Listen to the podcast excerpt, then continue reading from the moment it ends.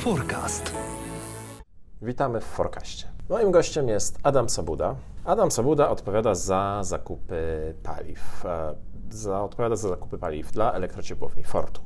Bez niego nie mielibyśmy czym w tych elektrociepłowniach palić, bez niego nie byłoby ciepła, bez niego nie byłoby prądu. Adam odpowiada za te zakupy nie tylko dla naszych polskich elektrociepłowni, ale także dla całego a, regionu, także dla krajów bałtyckich. Forecast. Adam, jakie jest najlepsze paliwo? Czym najlepiej w tych elektrociepłowniach powinniśmy palić? Czy węglem, czy czymś innym? Czy to się zmienia w czasie? Jak to w ogóle wygląda? Jacku, przede wszystkim dziękuję za tak miłe e, przedstawienie. E, czym powinniśmy palić w naszych, elektrociep- e, w naszych elektrociepłowniach? Mm, Wydaje mi się, że dzisiaj kluczem do sukcesu jest e, to, żebyśmy mogli wykorzystywać różne paliwa. E, wszyscy widzimy, jak zmienia szybko się rzeczywistość, jak zmienia się rynek, jak zmienia się nasza branża. E, I Wydaje mi się, że to, co dobrego zrobiło Fortum, to e, parę lat temu decyzja, którą podjęliśmy o tym, że stawiamy na jednostki wielopaliwowe, na jednostki, w których można wykorzystywać biomasy, różnego rodzaju paliwa alternatywnego, czy tak jak w naszej nowej elektrociepłowni zabrzańskiej węgiel, to była dobra e, droga, e, którą powiedziałbym, że z sukcesem e, podążamy. I właśnie ta możliwość bycia elastycznym również na rynku e, paliwowym to jest to, mm, w czym firma i przyznam się szczerze, że ja osobiście też e, dopatruję się naszego wielkiego sukcesu. Ale to jeżeli mogę podrążyć trochę tą elastyczność. Bo tak naprawdę po co nam ta elastyczność? Przez lata w Polsce paliło się w elektrociepłowniach węglem. W ogromnej większości tym węglem pali się nadal w elektrociepłowniach, e, w elektrowniach, a, a teraz my wymyślamy e, jakąś elastyczność paliwową. Domyślam się pewnie, że jest to droższa opcja. Po co to wszystko? Droższa dla kogo? E, czy ona jest droższa dla nas na etapie inwestycyjnym? Tu trzeba przyznać, e, bloki wielopaliwowe są e, droższe. Ale potem w okresie eksploatacji dla nas, jako dla firmy, pozwalają nam produkować energię elektryczną i ciepło z konkurencyjnymi cenami, a przede wszystkim wydaje mi się, że na koniec dnia one są też tańsze dla środowiska, bo dzięki temu, że możemy wykorzystywać różne paliwa, w tym paliwa mniej emisyjne, jesteśmy w stanie mniej temu e, naszemu środowiskowi szkodzić. Dlatego środowisku to na pewno e, też jest istotne. Powiedziałeś o węglu.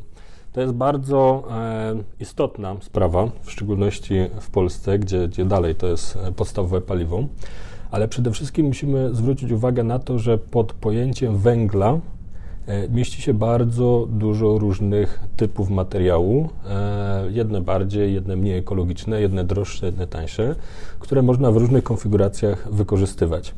I w tym e, firma Fortum, chyba to jest jedyna, e, jedyny powód, dla którego w ogóle Fortum zgodziło się mm, na to, aby dalej wykorzystywać e, węgiel, jest to, że w odpowiedniej konfiguracji, w odpowiednim miksie, czy to z biomasą, czy, czy z RDF-em, jesteśmy w stanie zredukować emisję. I to dzisiaj jest e, całe piękno naszych projektów wielopaliwowych. No dobrze, mówisz o węglu, ale tak e, gdzieś e, między wierszami padły tutaj paliwa alternatywne. Co to są te paliwa alternatywne? Co to takiego? To jest bardzo dobre pytanie i chyba po pięciu latach pracy w, w tej branży powinienem znać na nie odpowiedź, e, ale nie ma jednoznacznej definicji tego, co to jest e, paliwo alternatywne. Ja bym powiedział najłatwiej, że em, paliwa alternatywne to jest wszystko to, co nie jest węglem, nie jest gazem, nie jest ropą naftową, e, nie jest czystą biomasą. To jest No to co wszystko. nam zostaje? Śmieci chyba jakieś. Jacku, śmieci to jest coś, co, co produkujesz jak każdy Polak, wrzucasz. Ja bym powiedział, że w tradycyjnej śląskiej rodzinie wrzuca się to pod zlew, tam gdzie jest miejsce, e, miejsce na, na kosz na śmieci, i na tym, w tym miejscu skończyłbym e, z pojęciem śmieciami, e, że to są śmieci, bo wszystko to, co dalej się dzieje z tym materiałem, to e, nie pozwala już moim zdaniem nazywać tego materiału śmieciami. Ale to po imieniu w takim razie, konkretnie. Co to są paliwa alternatywne w Twoim najlepszym rozumieniu? Bo okej, okay, dobra, nie ma definicji, nie ma definicji. Nie są to śmieci, zgodzę się. No to co to jest? Tak, żeby, e, nie wiem, mój e, syn 13-letni zrozumiał. Chyba najłatwiej będzie na to odpowiedzieć, e, podając przykłady. Co może być paliwem alternatywnym? Przede wszystkim drewno odpadowe. Bardzo ciekawym materiałem, który dzisiaj jest traktowany jako paliwa alternatywne, są wszelkiego rodzaju drewno odpadowe. Co to jest drewno odpadowe? E, przy produkcji mebli, e, przy produkcji płyt wiórowych, e, w pracach leśnych mamy bardzo dużo materiałów, które powiedziałbym kiedyś były drewnem, ale przez różnego typu procesowanie, przez różnego typu działanie już takim pełnowartościowym drewnem nie są. Tak, są wióry, jakieś ścinki, trociny? Myślę, że najłatwiej tak sobie można to, to wyobrazić albo materiały, które kiedyś pochodzą, pochodziły z drewna rozbiórkowego, czyli z rozbiórki e, domów, E, drewno z budownictwa, czyli wszystko to, co, co nie jest zanieczyszczone, nie jest niebezpieczne, a jeszcze posiada w sobie mm, tą dużą zawartość drewna i, i da się to energetycznie wykorzystać. No dobrze, a co jeszcze? Bo jak ja widziałem RDF, kolejny mądre, e, mądry skrót, czyli paliwo pochodzące z odpadów, a jak rozumiem właśnie to palimy w Zabrzu, e, to akurat tam węgla wcale nie widziałem. Za to widziałem jakieś ścinki takich suchych, w sumie nawet przyjemnych w dotyku, wziąwszy pod uwagę, że to z odpadów pochodziło, e, produktów. Czyli może być tam e, drewno odpadowe, ale pewnie to nie wyczerpuje całej, całego spektrum tego, co może składać się na paliwo alternatywne. Czyli Bardzo RDF. dobrze, że poruszyłeś e, temat RDF-u, bo to e, w skali e, Fortum w Polsce chyba jest najważniejsze e, paliwo alternatywne i to jest, powiedziałbym, odpowiedź na to, co, co dzisiaj dzieje się na rynku. E, społeczeństwo polskie się bogaci i to dobrze, e, ale e, niesie to ze sobą pewne implikacje. Jedną z nich jest to, że produkujemy coraz więcej odpadów. I teraz trzeba się zastanowić, co z tymi odpadami zrobić. Jeszcze nie tak dawno, bo jakieś 3-4 lata temu, głównym pomysłem na to, jak zagospodarowywać odpady w Polsce, było składowanie. Chyba wszyscy zgodzimy się z tym, że, że te składowanie to, to nie jest najlepszy pomysł. E, I trzeba zastanowić się, co racjonalnie można z tym materiałem zrobić. No i pierwszą e, nasuwającą się odpowiedzią, chyba najlepszą, jest to, że e, powinniśmy wszystko, co się da, jeszcze raz wykorzystać, z tych odpadów wyciągnąć i to przetworzyć, poddać recyklingowi. Przede wszystkim wszelkiego rodzaju frakcje plastiku, makulatury, szkła, metalu. Wszystko to powinno być z tych odpadów wyciągnięte i jeszcze raz przetworzone. A to, co zostaje, e, i na dobrą sprawę dzisiaj nie mamy e, innej możliwości, e, co z tym zrobić, powinno, żeby nie trafić na składowiska, zostać przerobione na paliwa alternatywne i trafić do naszej na przykład elektrociepłowni zabrzeńskiej. No, ale taka elektrociepłownia, która spala paliwa alternatywne w Polsce jest jedna. To jest tylko nasze Zabrze. Tak. To jest akurat bardzo fajna sprawa. Zabrze jest pierwszą jednostką energetyczną w Polsce, która weszła e, w rynek e, paliw alternatywnych. Nie ma co ukrywać, że już wiele firm e, myśli o tym, żeby w tym kierunku iść. Fortum jest pierwszy. No dobrze, ale ty mówisz o systemie, o tym, żeby mhm. odzyskiwać te e, surowce i tak dalej, ale jeżeli mówimy o odzysku energii, no to mówimy tylko o naszym jednym zabrzu, które zresztą nie spala w całości RDF-u, tylko spala RDF i węgiel. Jacku, i tak i nie. E, musimy wiedzieć, że w Polsce na chwilę obecną największym, największą branżą, która wykorzystuje e, paliwa alternatywne są cementownie. E, cementownie w Polsce z powodzeniem od ostatnich co najmniej 10 lat odzyskują energię z ponad 1,5 miliona ton paliw mhm. alternatywnych. A to jeżeli mogę jeszcze o tym odzysku energii, to co jest w takim razie lepsze? Czy odzyskiwać energię, albo co się bardziej opłaca, czy odzyskiwać e, surowce? Powinniśmy najpierw odzyskiwać ile się tylko da surowców.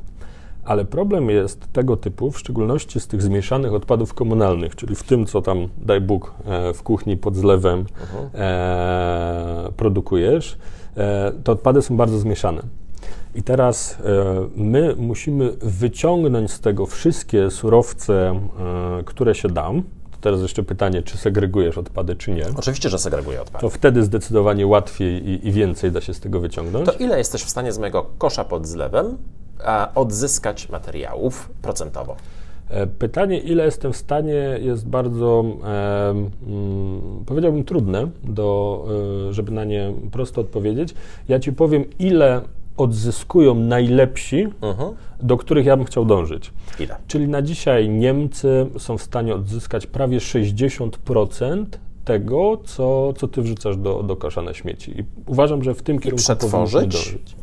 Tak, i w większości poddać e, przetworzeniu, wyprodukować z tego mm, papier recyklingowy, plastik, różnego rodzaju opakowania. A ile to jest w Polsce jak na razie, tak realny, odset, realny odsetek odzyskiwania materiałów w Polsce ze zmieszanych odpadów komunalnych? No to tu mm, standardowo trzeba by było zadać, e, czy powiedzieć pytanie, kto liczy, ale tak realnie e, co dana, w którą ja wierzę, to powiedziałbym, że to jest na poziomie 40-40 paru procent. Czyli nie tak mało. Nie, no trzeba powiedzieć, że na dzisiaj polski system e, gospodarki odpadami, co może być dla wielu szokujące, jest zdecydowanie lepszy niż na przykład system Wielkiej Brytanii, uh-huh. które jest krajem zdecydowanie od nas e, bogatszym.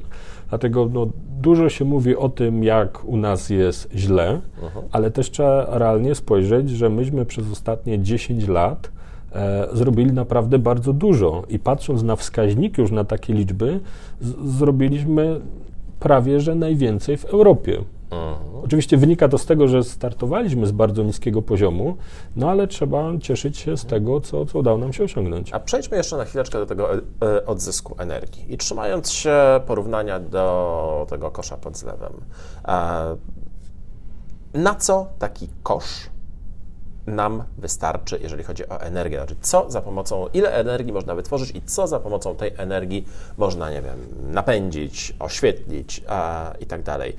Nie wiem, jak będzie łatwiej, czy już e, przeliczyć to na tą wersję po odzysku, czy mówimy e, o odzysku energii ze zmieszanych odpadów komunalnych, czyli zakładamy, że w ogóle palimy wszystko? No, tu Jacku, pierwsze pytanie to było takie, jak duży masz kosz na śmieci w domu? Ale pomij, e, pomijmy to pytanie. Średni. E, ja zakładam tą wersję, tak to powinno wyglądać, czyli najpierw wszystkie te materiały, które da się podać recyklingowi, e, do tego recyklingu trafiają i to, co zostaje, czyli zabrudzony plastik, e, mokra makulatura i w dużej mierze frakcja biodegradowalna, trafiają do producentów paliw alternatywnych. I z tego Twojego życzonego kosza na śmieci, zakładając, że Ty już u siebie w domu e, selektywnie e, zbierasz odpady, czyli to, co miało trafić do plastiku, trafiło do plastiku, tak. to, co do szkła, do szkła, to, co do makulatury, do makulatury.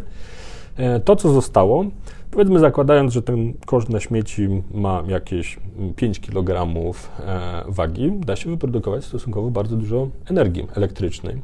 I tak starając się to trochę uprościć, jeżeli ten kosz 5-kilogramowy przywiózłbyś do naszej elektrociepłowni w Zabrzu, jesteśmy w stanie z tego wyprodukować równoważność energii elektrycznej, która pozwoli na ładowanie Twojego telefonu komórkowego przez rok, zakładając, że ładujesz go codziennie. Okej, okay. ale rozumiem, że w Zabrzu byście nie przyjęli tego mojego worka. E, bo nie, bo nie spalamy tam zmieszanych odpadów komunalnych. Nie, nie, nie. Ja już założyłem, że. A, że już to już jest po procesie. E, paliwo wyprodukowane z tego tak Twojego dalej. worka. Tak. Rozumiem. Rok ładowania telefonu to już jest coś. Albo na przykład 20 kilometrów przejechane samochodem Tesla. Nie mam jeszcze samochodu Tesla. Wszystko przed Tobą. I tym optymistycznym akcentem kończymy dzisiejsze wydanie Forecastu. Moim gościem był Adam Sabuda, który kupuje paliwa do naszych elektrociepłowni a tutaj w Polsce, w Zabrzu, ale także w innych krajach, w których działa Fortum. Dziękujemy za uwagę. Bardzo dziękuję. Forecast.